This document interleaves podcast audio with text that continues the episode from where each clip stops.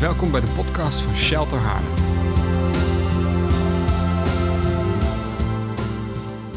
Goedemorgen allemaal. Voor de mensen die mij nog niet kennen, dat zullen er niet heel veel zijn hier, maar misschien wel op de livestream of op de podcast. Mijn naam is Thijs Veefkind, ik ben 22 jaar en ehm, ik maak al een eh, heel aantal jaar deel uit van, eh, van Shelter Haarlem.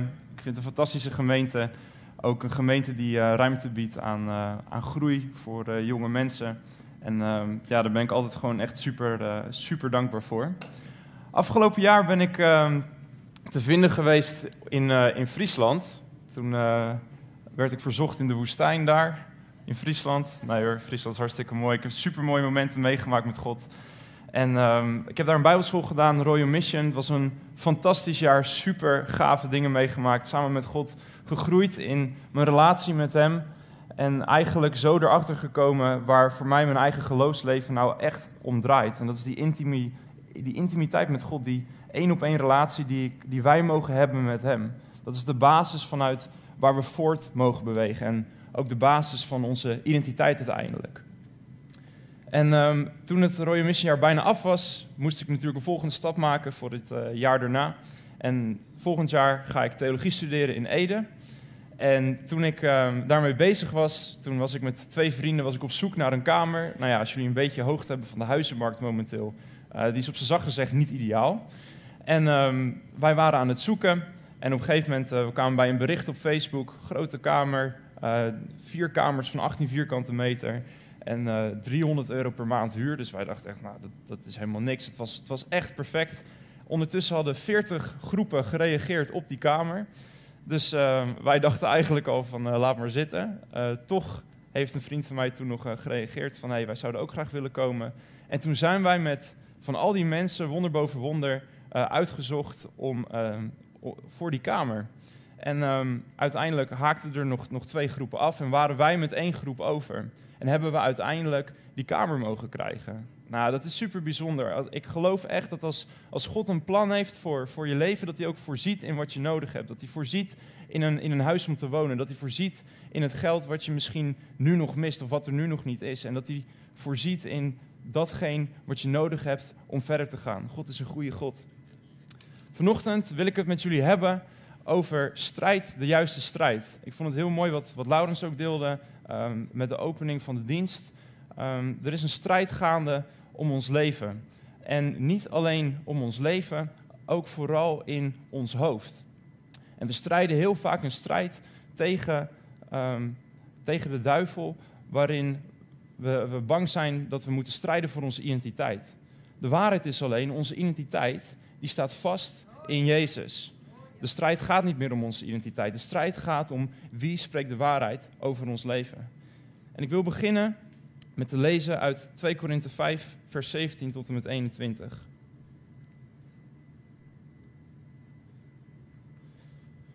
Daarom, als iemand in Christus is, is hij een nieuwe schepping. Het oude is voorbij gegaan, zie, alles is nieuw geworden. En dit alles is uit God, die ons met zichzelf heeft verzoend door Jezus Christus. En ons de bediening van de verzoening gegeven heeft. God was, nam- God was het namelijk die in Christus de wereld met zichzelf verzoende. En aan hen hun overtredingen niet toerekende. En hij heeft het woord van de verzoening in ons gelegd. Wij zijn dan gezanten namens Christus. Alsof God zelf door ons smeekt namens Christus, smeken wij, laat u met God verzoenen. Want hem die geen zonde gekend heeft, heeft hij voor ons tot zonde gemaakt. Opdat wij zouden worden gerechtigheid van God in hem. Dit Bijbelgedeelte is een van mijn favorieten. Even een korte recap naar wat Jezus voor ons heeft gedaan. Die is aan het kruis gestorven, gestorven voor de zonde van de wereld, zodat wij vrije toegang hebben tot de Vader. Maar niet alleen dat, we zijn ook nieuw geworden in Hem. Als wij gedoopt worden, dan sterven we en staan we weer op, ontvangen we nieuw leven in Jezus. Wat Paulus hier zegt, het oude is voorbij, het nieuwe is gekomen. Want voor je, voordat Jezus stierf, voordat Jezus er was, moest, moest het volk moest keihard werken om in de aanwezigheid van God te komen. Als je kijkt naar Leviticus bijvoorbeeld, moesten er heel veel offers gebracht worden om verzoening te krijgen voor zonde. Dus mensen moesten drie dagen naar een offerplek toe lopen om daar vervolgens een dier te slachten volgens een ontzettend ingewikkeld ritueel. En dan moest je daarna vervolgens moest je weer drie dagen teruglopen. En elke keer als je weer een nieuwe fout maakte, moest je dat hele proces opnieuw en opnieuw en opnieuw doorlopen. En dankzij Jezus hoeft het niet meer. Hij is het eeuwige offer geworden. Hij is degene geweest die voor onze fouten aan het kruis is gegaan. En hij is degene geweest waardoor wij nieuw leven ontvangen, waardoor wij een nieuwe identiteit hebben ontvangen. En die nieuwe identiteit die brengt een aantal woorden met zich mee over hoe God nu naar ons kijkt, die voor ons misschien best wel onbevatbaar zijn. Als ik eerlijk kijk naar mijn eigen leven, dan zie ik mijn tekorten. Dan zie ik de dingen die nog niet goed gaan. Ik zie ook dingen die wel goed gaan. Maar het is zo moeilijk als God over mij zegt: Thijs, ik zie jou als een heilige. In mijn ogen ben je perfect. En als ik door mijn eigen ogen heen kijk en eerlijk ben naar mijn eigen leven, zie ik in mijn eigen beleving is dit nog geen realiteit. Geloof ik dit echt wel? En waar kies ik voor om te geloven? En in Romeinen 6, vers 6 tot en met 11 geeft Paulus nog wat extra uitleg over wat we dus moeten met die oude natuur, dus die oude mens, en met die nieuwe mens die is opgestaan met Jezus. Romeinen 6, vers 6 tot en met 11. Immers, we weten dat ons oude bestaan met hem gekruisigd is, omdat er een einde moest komen aan ons zondige leven. We mochten niet langer slaven van de zonde zijn. Wie gestorven is, is rechtens vrij van zonde. Wanneer wij met Christus zijn gestorven, geloven we dat we ook met Hem zullen leven. Omdat we weten dat Hij, die door de dood is opgewekt, niet meer sterft. De dood heeft geen macht over Hem. Hij is gestorven om een einde te maken aan de zonde. Voor eens en altijd. En nu Hij leeft, leeft Hij voor God. Zo moet u ook uzelf zien. Dood voor de zonde, maar in Christus Jezus levend voor God. Dood voor de zonde. Het is zo bijzonder. Als we lezen in het Nieuwe Testament, wordt nergens in het Nieuwe Testament een christen nog als zondaar benoemd. Zelfs de gemeentes van, van Efeze en van Korinthe worden aangesproken als heiligen. We hebben een nieuwe identiteit gekregen. Voor Jezus, voor zijn dood, waren wij nog niet heilig. Waren wij nog niet, konden wij nog niet dicht bij God komen. Hadden we die nieuwe identiteit nog niet. Na de dood van Jezus hebben we die nieuwe identiteit wel gekregen. En nu is het zo dat het niet langer zo is dat wat wij doen bepaalt wie wij zijn, maar wat Hij voor ons gedaan heeft nu bepaalt wie wij zijn. En dat is zo bijzonder, want dat brengt ons bij twee realiteiten. Ik heb een PowerPoint opgestuurd gisteren nog, dat was een beetje laat, ik weet niet of hij er is, toevallig. Nee, hij is er niet, geef niet, komt helemaal goed. Het brengt ons bij verschillende realiteiten. Aan de ene kant hebben we onze eigen realiteit, wat ik net noemde. En aan de andere kant hebben we Gods realiteit. Mijn realiteit is hoe ik naar mezelf kijk, hoe ik de wereld in kijk, wat ik zie. Wat Gods realiteit is, is wat God ziet als Hij naar mij kijkt. En dit zijn twee totaal verschillende dingen. Als ik kijk naar mijn eigen leven, als ik eerlijk ben over mijn eigen leven, wat ik net al aangaf, dan zie ik, ik maak fouten, ik doe verkeerde dingen. Ik heb soms een onrein moment. En wat doe ik dan? Dan is het heel makkelijk om mij schuldig te voelen, om te kijken naar mezelf en te kijken van, wat heb je nou weer gedaan? Welke stap heb je nou weer gezet? En dan begint die strijd in je hoofd begint te spelen.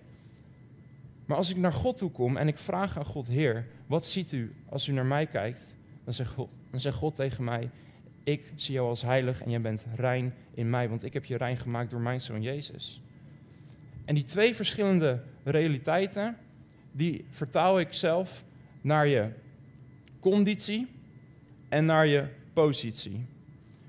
Je conditie is dat je zondigt, dat je verkeerde dingen doet, dat omstandigheden om je heen nog niet in lijn zijn met de wil van God. En je positie is hetgeen wat vaststaat. Dat is jouw identiteit in Jezus, die jij van Hem gekregen heeft. In mijn conditie maak ik fouten, doe ik verkeerde dingen en gaan heel veel dingen niet goed. In mijn positie verandert er helemaal niks. En die strijd om onze identiteit, dat is een hele grote en een hele belangrijke die we niet mogen onderschatten. Het is zelfs zo belangrijk dat als de duivel Jezus verzoekt in de woestijn, is de allereerste vraag die hij stelt: Als jij werkelijk de zoon van God bent. Het begint al gelijk met die identiteitsvraag: Wie ben je als jij de zoon van God bent? En dan komen de verzoekingen. En zo is er ook een strijd gaande om onze identiteit.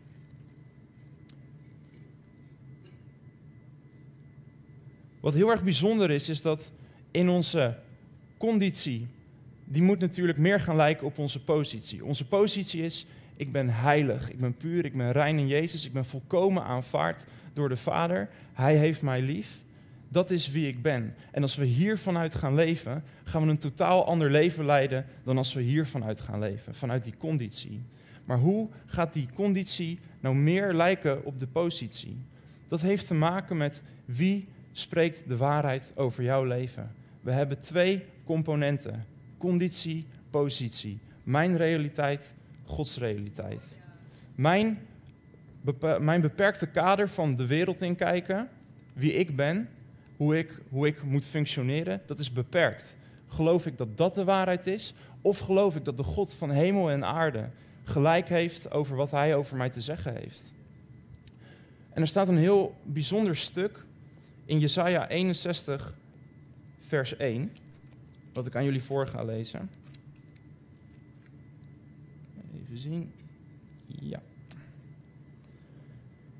Hier staat iets bijzonders. De geest van de Heere, Heere is op mij, omdat de Heere mij gezalfd heeft om een blijde boodschap te brengen aan de zachtmoedigen.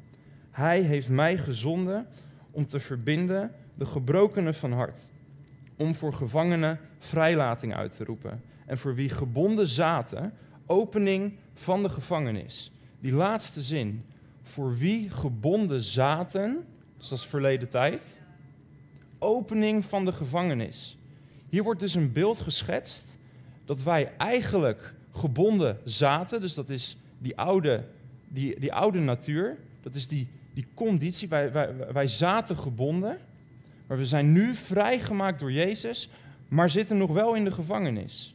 En dat is hoe zoveel van ons nog leven vandaag de dag. Ik zelf soms ook. Ik ben 100% vrijgemaakt door God.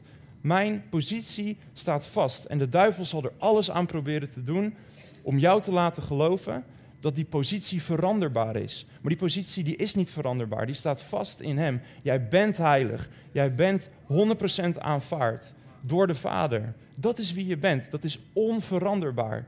En de duivel zal er alles aan proberen te doen. Ja, maar weet je nog wat je vorige week hebt opgezocht? Weet je nog wat je hebt gezegd tegen die persoon? Weet je nog dat je daarover gelogen hebt? Hij zal er alles aan doen om jou te doen laten geloven dat die positie niet vaststaat.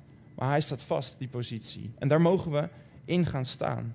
Dus die gevangenis waar we inzetten, dat is de gevangenis die in ons hoofd is. De gevangenis waar we eigenlijk al uit bevrijd zijn. We hoeven er alleen nog uit te stappen door ervoor te kiezen dat God de waarheid spreekt over ons leven in plaats van wij zelf. En daarmee kom ik bij het punt dat we de juiste strijd mogen strijden. Want de strijd, zoals ik al zei, is niet meer om onze identiteit. Die ligt vast. De strijd die we strijden, die is tegen onszelf, in ons eigen hoofd. Ik wil met jullie lezen 2 Korinthe 10, vers 3 tot en met 5.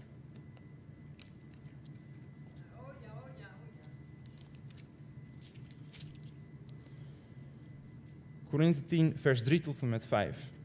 Want al wandelen wij in het vlees, wij voeren geen strijd naar het vlees. De wapens van onze strijd zijn immers niet vleeselijk, maar krachtig door God, tot afbraak van bolwerken. Want wij breken valse redeneringen af en elke hoogte die zich verheft tegen de kennis van God. En wij nemen elke gedachte gevangen om die te brengen tot de gehoorzaamheid aan Christus. Er is strijd om ons leven, maar vechten we ons gevecht tegen de juiste vijand. We zijn misschien zo hard aan het werken voor die goedkeuring, zo hard aan het werken voor die aanvaarding van anderen. Als je in de wereld kijkt, het draait om status, het, het draait om geld. Maar als dat er niet meer is, wat blijft er dan over? We zijn zoveel bezig om dat we voor van de ander iets nodig hebben om onze eigen identiteit te bevestigen. Misschien herken je het in je, in je relatie of in je huwelijk of in vriendschapsbanden die je hebt. We zijn eigenlijk ons gedrag verklapt een beetje waar we naar op zoek zijn. We zijn op zoek naar die bevestiging. Ben ik wel goed genoeg? Hou je wel van mij?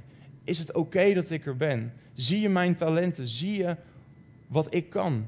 Daar zijn we met z'n allen naar op zoek. En het is eigenlijk best wel gek, want we zijn heel vaak met z'n allen, en ik ben er zelf ook onderdeel van, zijn we aan het symptoom bestrijden. Want bijvoorbeeld, als ik ervoor kies om te liegen over iets wat ik aan het doen ben, dan kan ik, dan kan ik proberen om te stoppen met liegen. Dan kan ik proberen om te kijken hoe kan ik stoppen met liegen. Maar ik lieg niet omdat ik liegen leuk vind. Er ligt een veel dieper probleem onder. En dat is dat als ik de waarheid vertel, vinden mensen mij dan wel oké. Als ik de waarheid vertel, word ik dan nog wel geaccepteerd? Word ik dan nog wel aanvaard? Dat is de reden waarom ik lieg. Dus we moeten bij de wortel komen van datgene waar de vruchten ervan zijn. Want de vrucht is, ik ga liegen. De wortel daarvan is, ik ben niet oké met mezelf. Als ik de waarheid vertel, dan, dan, dan aanvaarden mensen mij niet. En alleen de waarheid zal ons werkelijk vrijmaken. En daarvan mogen we leren dat we open, eerlijk en kwetsbaar mogen zijn. Dat we in het licht mogen brengen wat in ons leven misschien nog in het duister is. En ik zag toevallig gisteren een filmpje op Instagram voorbij komen van een, uh, van een vrouw en die, die zei iets heel moois. Die zei, er kan geen doorbraak zijn als we niet echt zijn. Stel je voor dat je naar de dokter gaat en dat je zegt tegen de dokter, ik heb last van, me, ik heb, uh, last van mijn voet, terwijl je eigenlijk last hebt van je hart. Hoe kan die dokter dan aan jou de genezing geven of datgene de juiste medicijnen geven om te genezen? Oftewel, hoe kunnen wij van God iets vragen als we niet eerlijk zijn over waar we daadwerkelijk mee dealen? Hoe kunnen we van Hem verwachten dat Hij ons geneest op de plekken waar we genezen moeten worden, terwijl we niet eerlijk zijn over wat er daadwerkelijk aan de hand is? Dus als je struggelt met, met, met liegen of als je struggelt met onreinheid, of vul maar in waar je mee kan struggelen. Is het, is het daadwerkelijk het probleem wat je dan in het licht brengt bij je vriend of bij je vertrouwenspersoon? hey, ik ben weer gevallen, hey, ik heb het weer gedaan. Of zit er een veel dieper probleem achter, wat je ook nog uit mag zoeken? Dat je misschien niet oké bent met jezelf. En dat is die strijd die in je denken plaatsvindt. En het is zo'n ontzettend lang proces voor mij ook. Ik ga jullie een voorbeeld geven uit mijn eigen leven. Ik was een aantal weken terug was ik mee met iemand van Royal Mission naar de Battle. Super toffe plek, heel gaaf. En het was de eerste keer dat ik met hem mee mocht gaan. Om, uh, hij, hij zou gaan spreken daar. En ik ging met hem mee. En ja, ik vond het echt ontzettend gaaf. Ik dacht, wow, cool, ik mag met iemand meelopen. En ik mag daarbij hem gaan helpen. En nou, gewoon een dagje meekijken in het leven van iemand die wandelt in een bediening. Dat vond ik super gaaf. Maar ik was de hele dag bezig met mezelf te bewijzen. Met laten zien dat ik goed genoeg ben, dat ik mee kan draaien, dat ik wel eventjes bid voor die tiener die het moeilijk heeft. Dat ik afstap op de mensen die ik nog niet ken. En ik was de hele tijd bezig met, ben ik wel sociaal genoeg? Ben ik niet te rustig? Ben ik niet te veel? Ik was zo zelfbewust van mezelf en ik was zo aan het proberen om te laten zien aan hem door mijn gedrag dat ik voldeed aan waar ik dacht dat ik aan moest voldoen. En ik was aan het werken en aan het werken en aan het werken. En aan het einde van de dag, ik was doodmoe. Ik zat in de auto naar huis en ik dacht, dit was echt, dit was gewoon geen leuke dag. Verschrikkelijk. De hele dag mezelf proberen te bewijzen aan die persoon om maar te horen te krijgen dat het goed genoeg is. En toen ging ik naar God toe en toen zei ik tegen hem, Heer, vandaag opnieuw wil ik bij u komen. En Heer, dit is wat ik voel. Ik, ik, voel me, ik voel me gewoon een mislukkeling. Ik kan niet voldoen aan waar ik denk dat ik aan moet voldoen. En dat was zo'n ontzettend bijzonder moment, want toen zat ik in de auto en toen was het net alsof God aan mij de vraag stelde: Thijs, wie spreekt de waarheid over jouw leven? Andere mensen of ik? En al vinden alle leiders in het land jou een sukkel, ik heb jou aanvaard. Nou, dat is lekker bemoedigend natuurlijk als dat echt zo is, maar dat is wel de waarheid. En het is geen schrale troost. Want de, de, de koning van hemel en aarde houdt van mij. Ziet mij, ziet jou, ziet u. Waar je staat, waar je bent. Ook al zijn alle mensen om je heen tegen je. De God van hemel en aarde is voor je. En dat is echt geen eenzame reis. Je hebt de koning naast je staan. Niet zomaar een vriend. De koning van hemel en aarde staat naast jou. De muziek mag alvast naar voren komen.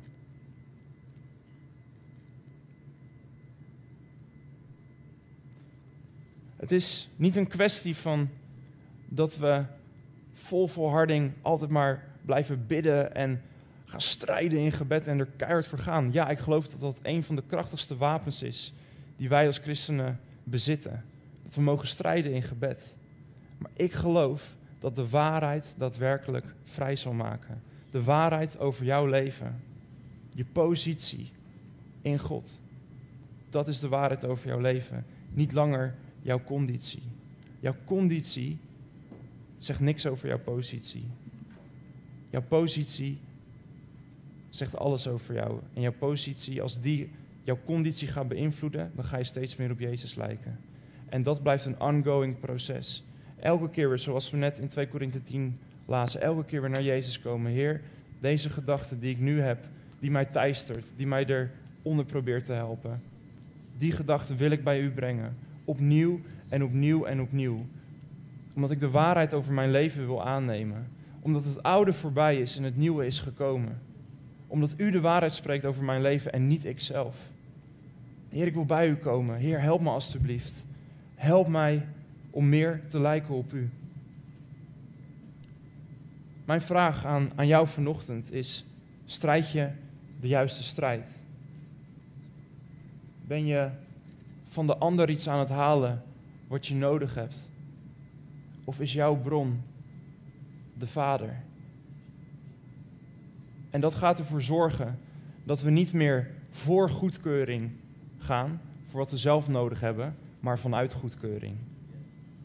Dat we vanuit de identiteit die wij hebben de wereld in kunnen, in plaats van dat de wereld ons iets moet geven. Vanuit goedkeuring. We gaan niet meer voor aanvaarding, maar vanuit aanvaarding. Dat zijn de verschillen die we dan hebben. Dat, dat is het leven met Jezus. We mogen gaan vanuit wat ons gegeven is in Hem. Die nieuwe identiteit. En die kunnen we op meerdere plekken in de Bijbel vinden. Mijn vraag aan jou vanochtend is: strijd jij de juiste strijd? En ik wil op dit moment een moment nemen van van overgave. Iedereen mag zijn ogen even dicht doen.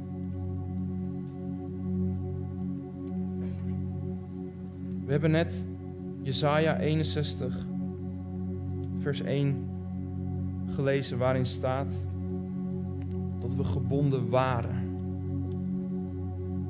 maar nu vrij zijn in Hem. En het kan, het kan voelen dat je nog steeds gebonden bent, of dat je nog steeds in die gevangenis zit van je eigen hoofd, van de leugens die zijn binnengekomen door jou, bij jou de afgelopen jaren. Het kan nog steeds zo zijn dat je struggelt met delen in je leven waar je maar niet van af lijkt te komen. En die gevangenis lijkt potdicht te zitten. Maar de waarheid zal je vrijmaken. En de waarheid, dat is wie jij bent in Jezus. Dat zal je vrijmaken. En ook al, Heer, ook al zien we het nog niet altijd realiteit worden, Heer, we geloven, we geloven met alles in ons dat U de waarheid spreekt over ons leven en dat het realiteit gaat worden. En ik wil je uitnodigen op dit moment, als jij in je hoofd nog in die gevangenis zit, van de gedachten die jou teisteren, van de gedachten die jou klein houden van de gedachten die jou doen laten denken dat jouw positie, dus hoe God naar je kijkt, dat dat veranderbaar is. Wil ik je vragen om profetisch een stap te nemen uit die gevangenis door hier vooraan te komen knielen. dat is misschien een spannende keuze. Maar als jij zegt deze ochtend, ja, die gedachten die, die drukken mij nog omlaag. Heel vaak. En het lijkt er niet op dat ik ze kan overwinnen. Dan wil ik er nu uitstappen. Heer Jezus, met u alleen. Ik kan mezelf niet vrijmaken, ik kan mezelf niet heiligen, maar u kan dat wel.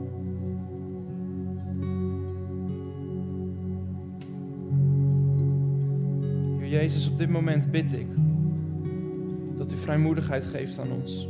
Om open, eerlijk en kwetsbaar te zijn naar u. En misschien wel uiteindelijk naar elkaar. Heer, dat dit een moment zal zijn van licht. Heer, want overal waar licht is, daar kan geen duisternis meer zijn. Heer, dit is heilige grond van u. U bent koning in dit huis.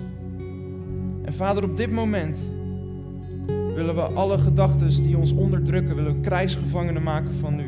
In de naam van Jezus breek ik alle negatieve gedachten. In de naam van Jezus breek ik alle depressieve gedachten. In de naam van Jezus breek ik alle suïcidale gedachten. In de naam van Jezus breng alle gedachten bij u die ons onderdrukken. Heer, en op dit moment kom met uw Heilige Geest, kom met uw waarheid in ons hoofd, in ons hart.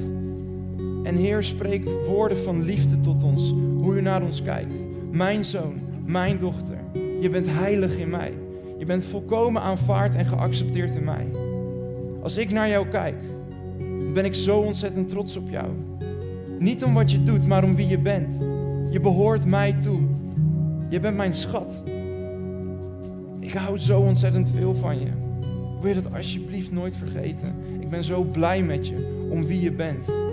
Laat alles los waarvoor je probeert te werken. Je hoeft niet meer te werken voor je identiteit. Je hebt hem ontvangen in mij. Breng je gedachten bij mij. En stap uit je gevangenis. Want ik heb vrijheid voor je klaar liggen. Heer Jezus, op dit moment, kom over ons heen. Heer, kom dicht bij ons. Heer, op dit moment wil ik zelf ook opnieuw weer die keuzes maken om uit die gevangenis te stappen. Want Vader, ook al sta ik op een podium, Heer, u weet wat er ook in mijn hart leeft. U weet ook mijn moeites. En dat maakt mij niet beter dan een ieder die hier in de zaal zit. We zijn allemaal gelijk. We zijn allemaal zonen en dochters van de hoogste koning. En er zijn ook allemaal dingen waar we doorheen moeten. En Heer, dank u wel dat we afhankelijk mogen blijven van u. En Heer, dank u wel dat u degene bent die ons vrijmaakt. En op dit moment willen we bij u komen. En de gedachten die ons tegenhouden om dicht bij u te zijn. Die ons tegenhouden om te gaan vanuit goedkeuring, vanuit aanvaarding. Heer, die willen we bij u brengen op dit moment. Heer, neem ze van ons af. Heer, plaats uw gedachten die u over ons denkt in ons. Dit moment heel dichtbij.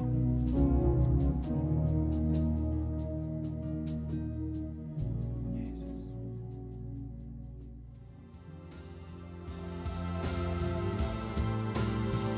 Dank voor het luisteren naar onze wekelijkse podcast. De missie van Shelter is Gods Koninkrijk zichtbaar maken in onze wereld. Wil je onze gemeente financieel ondersteunen in deze missie? Ga dan naar www.shelter-haarlem.nl geven.